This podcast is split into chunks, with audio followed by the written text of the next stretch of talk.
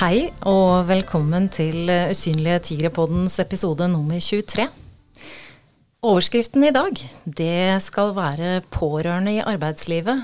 Og jeg skal love dere at jeg har fått med meg et par stykker som vet ganske mye om dette temaet her. Jeg har fått med meg Anita Vatland, som er daglig leder i Pårørendealliansen. Og Jan Martin Berge. Han, altså, for å si det sånn, tusenvis av mennesker i Norge, hele vårt langstrakte land, har hørt deg snakke om arbeidsglede, mentale muskler, når du reiser rundt og holder foredrag. Eh, akademisk standup, til og med. Eh, med et godt smil om munnen går vi ut derfra og lytter til deg og blitt kloke. Eh, men har du lyst til å introdusere deg selv litt videre, Jan?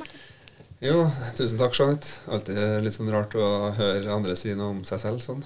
Um, men ja. Eh, Stemmer det du sier, da. Prøver å inspirere og motivere. Og så siste ett og et halvt året så har jeg blitt veldig opptatt av også kanskje prøve å gi noe håp og verktøy. Det er folk blitt opptatt av. Så jeg, som noen av dere hører kanskje fra Trondheim, og så fikk jeg kontrakt for å spille på Ulriken i Bergen, i basketligaen. Og så gikk jeg inn på psykologi der, og det var ikke noe selvfølge. Jeg er et levende eksempel på at selvdisiplin er viktigere enn intelligens. Flirer du? Nei, men Nei, du er, er deg selv lik. Det er sant. Ja, det er herlig. Ja, jeg kom ikke rett inn der, men jeg jobba knallhardt, for jeg hadde alt å gjøre i den terapeutstolen. Jeg har vært terapeut hele livet, holdt jeg på å si. Ja. Vært flink til å ta vare på andre. Så jeg er veldig veldig glad i den jobben som terapeut, som psykolog. Det er noe sakralt og hellig over det. At folk kommer til meg og snakker om hvordan de har det. Det er helt nydelig. Det tar jeg veldig på alvor. og det er ja, nesten sånn uh, religiøst, litt sånn, litt sånn sakralt, et hellig rom, da. Så jeg jobba med veiledning og terapi i flere år. Jeg jobba på sykehus og offentlig og, og, i privat setting. Og nå jobber jeg på et sånt lavterskeltilbud i en gradert stilling for uh, flere tusen ansatte i disse Aker-eide selskapene. Tenk Røkke og gjengen. De tenkte at hvorfor er det sånn at når bordet ble ødelagt eller kopimaskinen ble ødelagt, så fikser vi det sånn. Men når folk trenger hjelp, så kan det ta litt tid. Kan vi sette opp egne, en klinikk for de ansatte? Og for meg som har passion for uh, folk, terapi da, og for arbeidsliv, så sto navnet mitt på den stillinga. Så der har jeg vært noen siste åra. Og så har jeg et lite firma på si der jeg driver formidling, som du har uh, hørt om. da, Som så hyggelig du sier. Så det, det varma meg at du sa det. Tusen takk. Og jeg er veldig glad for at jeg får lov til å komme hit. For det, det feltet her er ganske sånn uh, krevende. Og så betyr det mye for meg som behandler. Men også som menneske og medmenneske så har jeg mye kjennskap til holdt på å si dessverre, til det her temaet. Mm. Og du er en av mange. Ja. Du er en av mange. Det har jeg forstått. Ja. Og Anita, Pårørendealliansen, som er en paraplyorganisasjon mm. eh, for, for eh, ja, alle ulike, egentlig, pårørendegrupper, for å si det sånn. Men, men kan jeg spørre deg eh, hvordan, vil du, hvordan vil du på en måte kunne eh, si at pårørende på rusfeltet skiller seg fra andre pårørende? Du, har jo ikke den å si, dynamiske veien og tilnærmingen inn i dette her som, eh, som, eh, som, du har. Men vi er jo de som skal jobbe med de tørre tall og fakta. Og løfte det opp og formidle det videre til politikerne og si at her må vi ha noe verktøy, noe skikkelig hardcore også. Og så har vi heldigvis mange um, organisasjoner og andre tilbud som tar seg av folk. Og Derfor så lagde vi den første pårørendeundersøkelsen i landet. Og da så vi forskjellene med en gang. Vi fikk over 6000 svar på den siste. og um, rundt 2700 som besvarte var pårørende innenfor rus og psykisk helse. Og hvis du trodde det var liksom sånn 63% på hele gruppa, så var det 74 på de som sto i rus og psykisk helse når det gjaldt effekt på egen helse. Vi så at alt egentlig som hadde det med det å gjøre, der var det hakket over. Eh, med de som hadde ansvaret for noen, eller var nær noen som sto under psykisk helse. Så det, det, er lett å se i rene tall. Det er lett å se på de over 10 000 kommentarene vi fikk, at det var hjerteskjærende eh, eksempler på hva de sto i, og hva de ønska seg, og hva de sa de trengte. Så ja, det, det ser vi tydelig. Og så, så, ser vi det også i livsfaser. altså, ikke sant? Vi jobber, tenker livsfase i jobbing. Hva, hva trenger pårørende barn og unge? Hva trenger de unge voksne? Hva trenger voksne, og hva trenger de gamle? Mm. Og det er å finne løsninger for å gjøre noe best mulig i hver fase av livet deres, som, sånn som vi jobber da. Mm. Og den største gruppa pårørende, de er i jobb. De er i alderen 40 70 år og står i et arbeidsliv kombinert med en sønn eller datter som er på kjøret, eller en foreldre som fremdeles ikke har eh, orden på livet sitt, eller søsken, da, som vi også vet eh, når vi er inne på rus og psykisk helse, helsefeltet, som i dag. Da. Mm. Så Folk står i jobb, og det må vi jo. Eh, vi er jo et høykostland. Vi må ha jobben. Vi må ha en balanse mellom det vi gjør, og jobben er jo et fristed for mange på dette området. her. Det er her du kan være en fagperson, og liksom ikke være den slitne mora til, eller den eh, dårlige dattera, eller, eh, eller, redd for faren din. Altså, det, det er der vi liksom er oss sjøl, da. Veldig mange. Vi vil gå på jobben og slippe. Mm. Heime, heimefronten, heimesituasjonen, ikke sant. Men der må jeg jo si at det som slår meg også, av alle de som er medlem av vår offentlige, altså offentlig Facebook-gruppe, og det vet vi jo er de som har blitt medlem der, de har tenkt seg om ikke bare én gang, men mange av dem har tenkt seg om ti ganger, og det har gått et år før de har turt å melde seg inn. Mm. For i det hele tatt å stå frem med et navn offentlig i en Facebook-gruppe, mm. det er det mange som ikke gjør. Så vi har tusenvis av mennesker som følger oss utenifra, og det er derfor gruppa er offentlig, så vi kan se inn. Men det jeg legger merke til, det er at det er ekstremt mange som er uføre. Ja. De er satt utenfor arbeidslivet. Men det er en annen podkast. Eh, og det er jo sånn som vi kan liksom, Apropos tallene, da. Jeg snakka med Jørgen Bramnes. Han er seniorforsker på Folkehelseinstituttet. Jeg snakka med han for en tre-fire uker siden. Han har indikert anslagsvise tall på pårørende. Eh, det er mellom 200 000 til 300 000 som er eh, avhengig av alkohol. Det er kanskje mellom 20 til 40 000 som er avhengig av vanedannende legemidler. Og så har du muligens 15 til 30 000 som er avhengig av illegale rusmidler. Og så sier jo ARA, altså Avdeling for rus og avhengighet, de formidler at for hver rusavhengig så er det mellom fire til ti pårørende. Og da skal jeg bare være litt kjapp på mattekunnskapene her, fordi at uh, den tok Jørgen og jeg sammen også, nemlig, så han begynte å regne. Ja, ok. Så det er altså mellom 235 000 og 370 000, si det er 300 000 da, som er avhengig av rusmidler i Norge. Mm. Så er det mellom fire og ti pårørende. Si sju er i midten. Så 300 000 ganger sju, det er 2,1 millioner. Og da har du tatt bare et middels estimat, både i antall anslagsvis rusavhengige, og et middels estimat på antallet pårørende per rusavhengig. Så over to millioner mennesker i Norge. Så sitt på bussen, da. Én av tre. Ja, så sitt på bussen. Ja, Det er som du sier, altså. Å, ja. oh, gud. Ja, du ble, du ble engasjert nå, sånn. Jeg ble så engasjert ja, men vi ble, at jeg, men vi at jeg hopp, mm, hopper i stolen. Men det, men det, du sier der, det gir mening. For når, når, altså når jeg holder foredrag, så akademisk standup kan man kalle det. Men jeg, gått, altså jeg er veldig i tvil om jeg skal bruke det for, sånn, for jeg tror jeg snakker om noe mer alvorlig enn det. Og da er det noe med at når jeg begynner å snakke om mening, ja. så snakker jeg om stein i skoa. For jeg har en hyttenabo som snakker om at vi har alle noen stein i skoa. Og da blir folk sånn Ja, hva mener han med stein i skoa?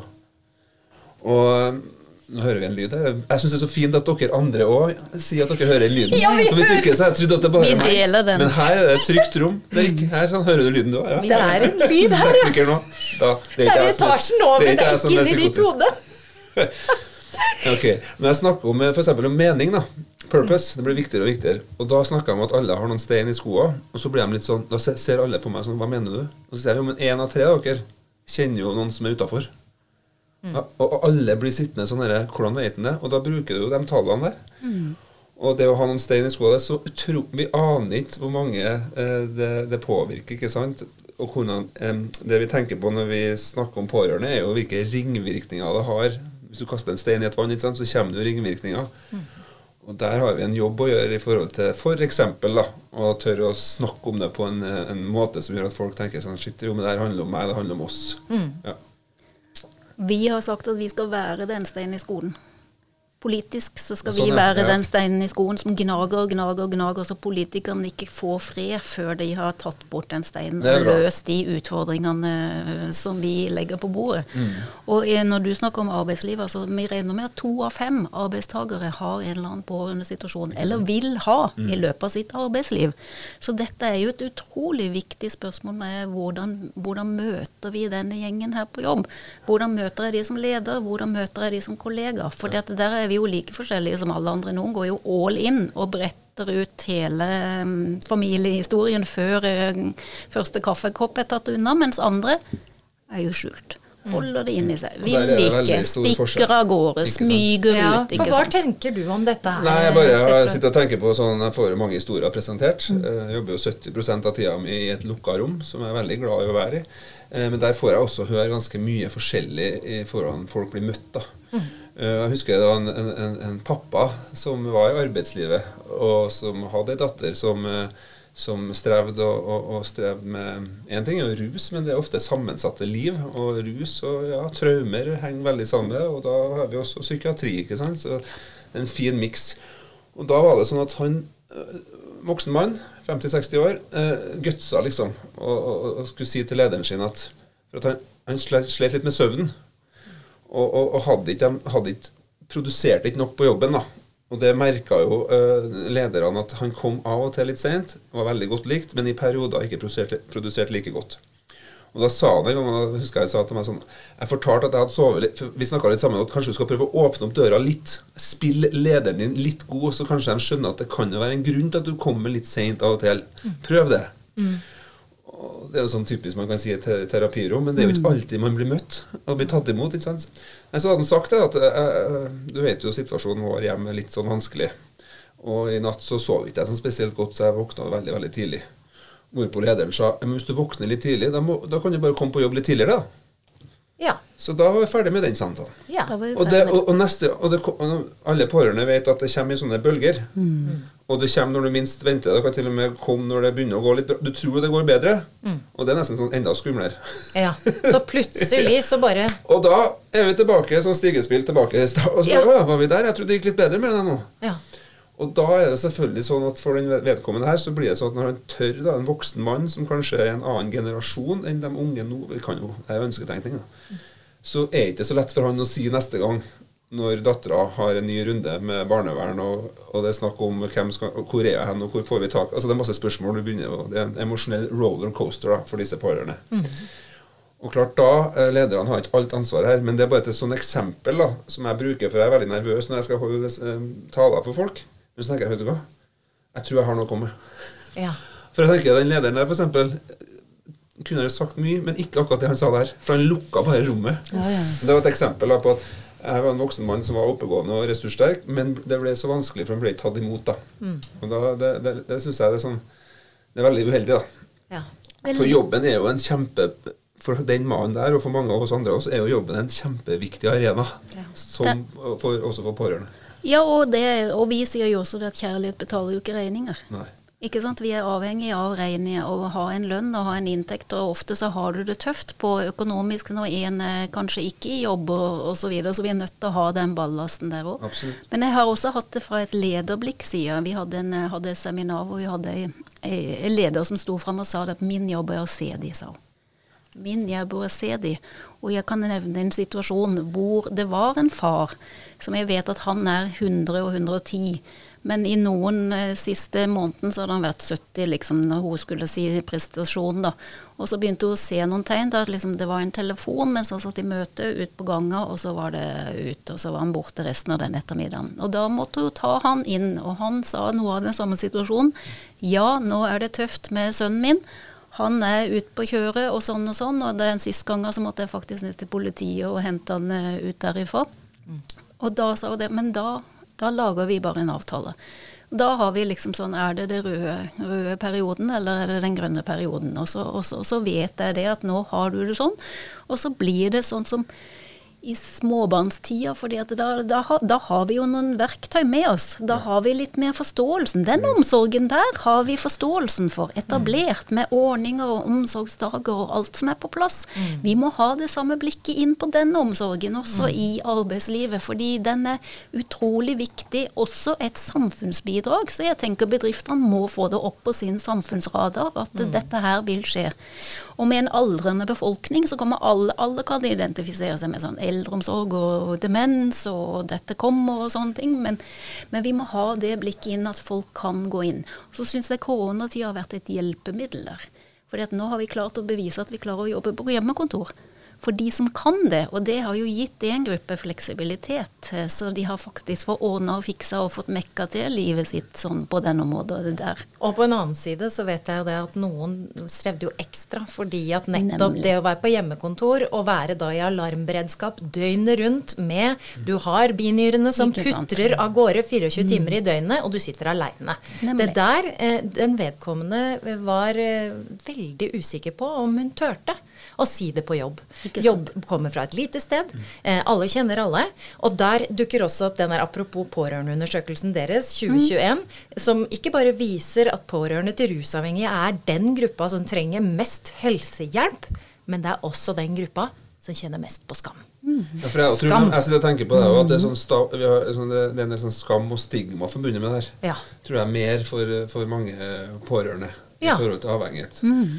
Og der har vi en jobb å gjøre, da, tenker jeg. Eh, rett og slett.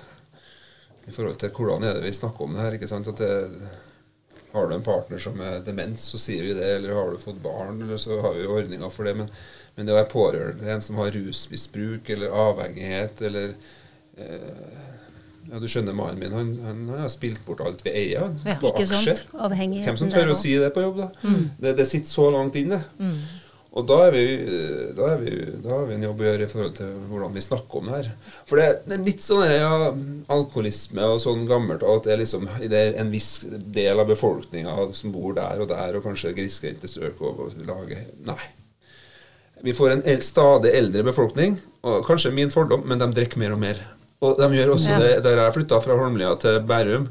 Altså det er, det er, det er, har ikke noe med hvor uh, man bor hen. Og det er jeg tror da at det er også mye rusmisbruk, hvis vi bruker avhengighetsbegrepet litt videre. da, At det ikke handler bare om øl og dram, men det handler om eh, rus generelt, avhengighet. Om det er kryptovaluta, eller om det er aksjemegling, eller om det er drikking eller narkotika. Eller spill.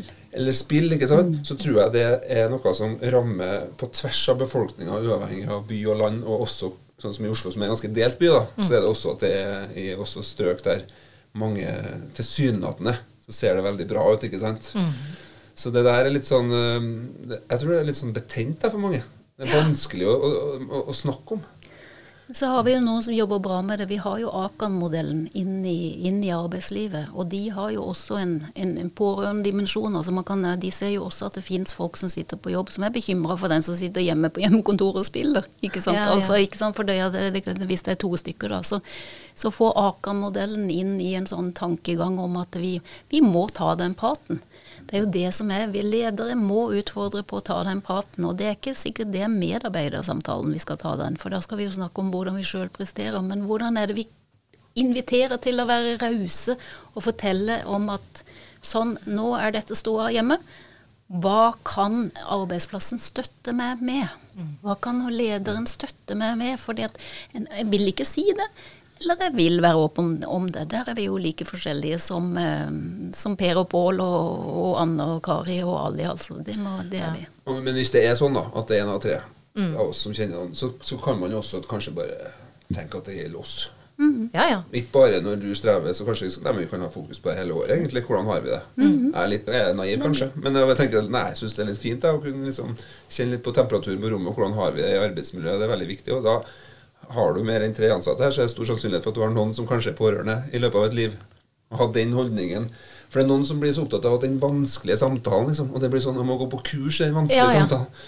Så tenker jeg, nei, det er litt sånn hun sier Det er ikke bare én samtale, liksom. Det er en dør som skal åpnes, og så skal vi ha en samtale som skal gå. Og det, da, det jeg, Nå sitter jeg og tenker Ja, ok, for jeg har jo en vanlig jobb ved siden av å lede Usynlige tigre, eh, Mm. nettverket for pårørende. Jeg jobber med ledere. Ja. Og hvordan eh, de eh, håper å kan eh, både utvikle og støtte og være gode mm, samarbeids... eh, Altså partnere med, med, med sine medarbeidere. Um, og alt dreier seg om relasjon. Det dreier seg om hvor godt vi kjenner hverandre. Hvordan er klimaet hos oss? Hva kan vi snakke om? Eh, og det å, å investere i relasjon, og ikke bare jobbsnakk, men at vi kjenner hverandre såpass at eh, vi kan faktisk eh, Vi veit litt om hverandre litt fra kanskje vi var små. Vi veit eh, om vi er nummer to i søskenflokken, eh, og hva vi likte å drive med da vi var unge, eller hva vi liker å drive med ved siden av jobben nå. Jeg tror du har rett. Og det er på et lederperspektiv. Og så tenker jeg bare for å kaste inn det med at jeg tror også at uh, kollegaer kan gjøre Du aner ikke hva du kan gjøre for en forskjell for en person hvis du er en god kollega. Så lederne har mye de skal stå i, og ja, vi skal lederne har mye ansvar her, men gode kollegaer altså Hvis du er en god kollega, kan redde livet også til pårørende, sagt, metaforisk sagt. ikke sant? For det, det, du aner ikke Og det var noen som så under korona, når de ikke fikk vært på jobb og møtt Da ble det synlig hvor viktig noen av kollegaene egentlig var. Ja. Så det må vi minne på.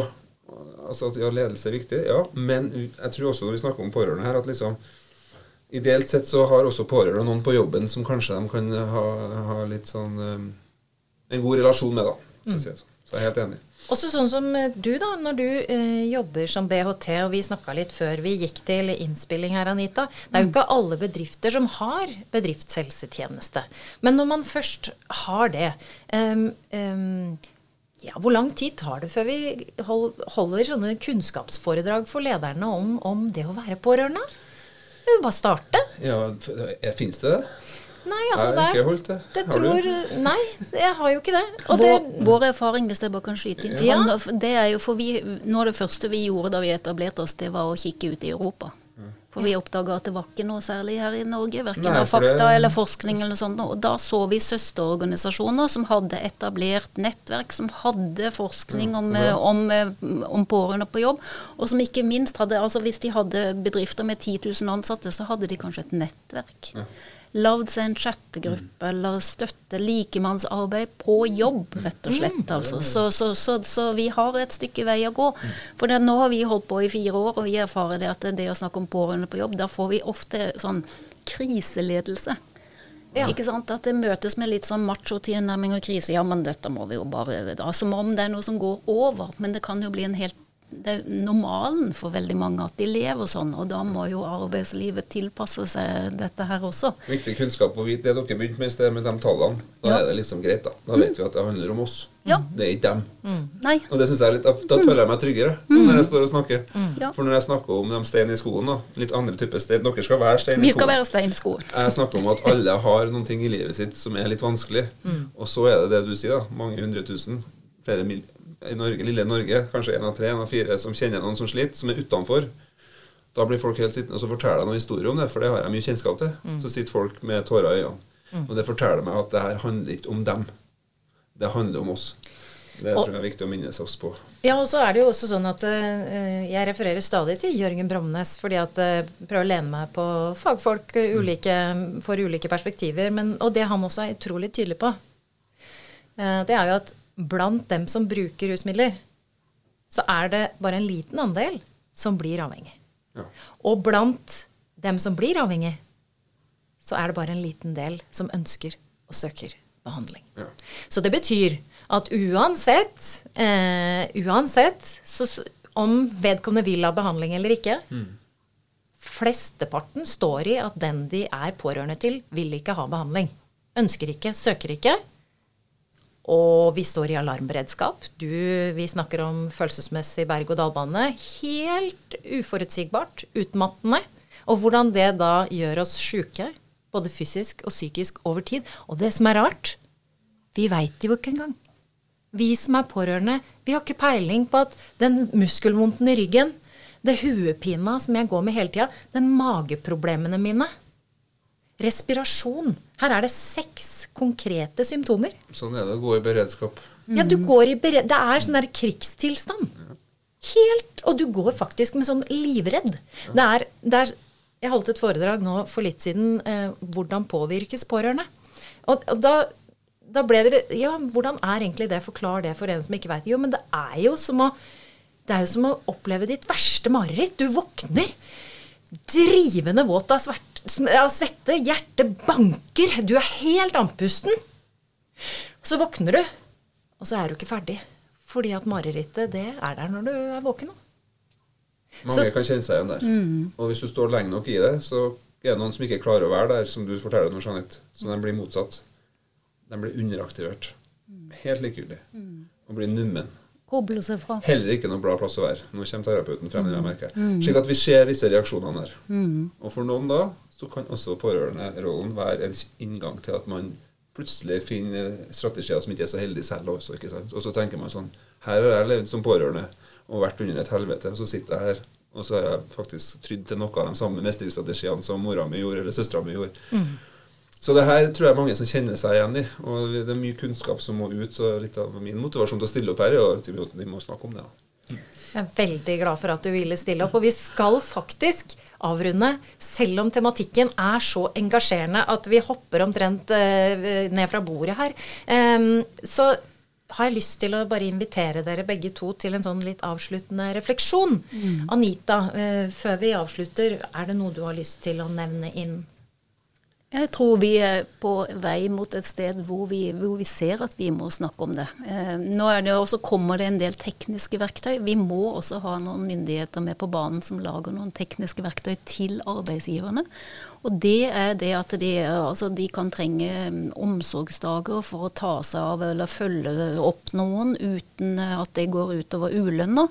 Eh, så, sånn som det er med syke barn, nå er også Befolkningen blir eldre. Vi blir eldre i jobb. Vi kommer til å måtte hjelpe noen eller stå ved noen side også. Og så må vi huske på politikken er sånn hjemme raskt mulig nå, vet du. Så nå skal alt skje hjemme. Eller i hjemkommunen, eller rask utskriving fra sykehus og tilfriskning hjemme og sånne ting. Så vi må følge med med å lage noen verktøy til den situasjonen. Og så tror jeg vi vi har lett for å se på suksess og suksess og sånn på jobben, og så har vi lett for å se at noe Altså, jeg skulle så gjerne ønske at den dagen noen sier at nå skal jeg gå, for jeg skal hente mannen min på dagsenteret. Og møter den forståelsen der, som, er, som småbarnsforeldrene sier at nå skal, må jeg gå tidlig, for jeg skal hente i barnehagen. Mm. Altså, da har vi liksom sagt og vi sier at omsorg er omsorg. Noen må bry seg om noen, og vi må ha det samme blikket på denne. Og så må vi støtte de som står i omsorgssituasjoner som ikke er bra. Eh, og også hjelpe Jeg tror vi må hjelpe noen til å si nei. Det er også viktig å få hjelp, som du sier der, å kunne sette grenser og så få finne seg en ny vei i livet. Altså de ikke finner de overlevelsesstrategiene som er skadelige. Mm. At vi får to for én. Vi er veldig opptatt av at vi ikke skal få to ut av én diagnose eller tilstand. Mm. Mm. Ja. Det er det. Uh, gode innspill. Vi trenger uh, åpenhet. Vi trenger uh, å vite at vi er mange. Jan Martin? ja, når det ble her, ble jo løfta litt på et høyere nivå, så tenker jeg sånn Kan jeg ta det helt nedpå? Ja. Hvis det sitter noen pårørende ute der og hører på, f.eks og kanskje ikke har sagt det til noen uh, så mange på jobben, eller sånt, så tenker jeg sånn Jeg tror mange går rundt og bærer på en del tunge ryggsekker med masse skam og en skyldfølelse og en følelse av utilstrekkelighet. Uh, og det er en normal reaksjon på en veldig uvanlig uh, situasjon du har levd livet ditt over mange år. Så jeg vil prøve å normalisere litt. Men hvis man kan jeg tror det er utrolig stor forskjell hvis du kan finne én person på jobben som du kan, eh, som du kan eh, driste deg til å dele det med. Og blir du tatt imot da, så kan det gjøre en forskjell på immunsystemet ditt. Det viser studier. Jeg, sier, jeg sier ikke at alle skal gå ut til kollegaene sine og si det, men jeg sier vurder nøye. Kanskje du skal rekke ut hånda til en eh, på jobb. For det kan gjøre en forskjell på immunsystemet ditt. Det viser forskning. Og vi trenger helsa vår, vi som er pårørende også. Mm. Så hvis jeg bare også kan si, hekte det på mangfold for nå er vi også opptatt av en sånn mangfoldsdebatt i arbeidslivet. Vi ser det at vi skal være inkluderende for alle kulturer og utdanninger og, og bakgrunn og sånne ting. dette må også inn i mangfoldspårørenderollen, må inn i mangfoldsbegrepet, Ja. faktisk. Det er en dimensjon, det er en livsfase, det er en greie som kommer. Om du er det, det kommer det også som inn under mangfold, at nå står jeg i en vanskelig situasjon på heime, heimefronten. Og det som Tusen takk til dere begge for gode og viktige både sånn oppsett på droneblikksnivå og helt ned på det tette, nære hjerte-til-hjerte-nivå. Eh, Jeg jobber jo i Veidekke. Stort selskap i Norge, rundt omkring i hele landet. Eh, Jeg har jo alltid vært åpen, med- om at jeg har dette engasjementet og min rolle. Og du verden så mange som viser seg å kjenne pårørenderollen veldig godt når man først åpner seg og sier det på lunsjen i kantina. Så er det jo noen som kommer Du, jeg vet faktisk, altså, pappaen min, eller Ja, jeg har mista broren min. Ja, ok. Og det er så mange som kjenner. Og det som er det merkelige Den dagen man åpner opp, og hvis du da er så faktisk heldig at du møter noen som tar det imot og sier 'Dette vet jeg ingenting om, men dette høres veldig krevende ut'. Det er faktisk ikke vanskeligere enn å si det. Og det å da være den personen som blir møtt med at 'jeg ser du strever', Ja, det er en forskjell. det er en forskjell. Og det å være selv pårørende, Ja. og enten oppsøke nettverk, altså, altså folk med samme erfaring, det er helt merkelig, for det blir som en familie. Det er i løpet av et par timer, så er det så nært. Fordi du veit hva det dreier seg om. Skjønner- Kanskje det er en fin konklusjon. Ja. Man er ikke alene. Man er ikke alene. Nei. Jeg vil si tusen takk til dere begge for at dere tok dere tida til å komme. Veldig glad for det. Takk for at dere delte deres erfaringer. Tusen takk takk for å få lov til å være her. Viktig, viktig tema, og vi må ikke gi oss på det. Nei. Tusen takk, begge to. Tusen takk for meg. Hyggelig å være her.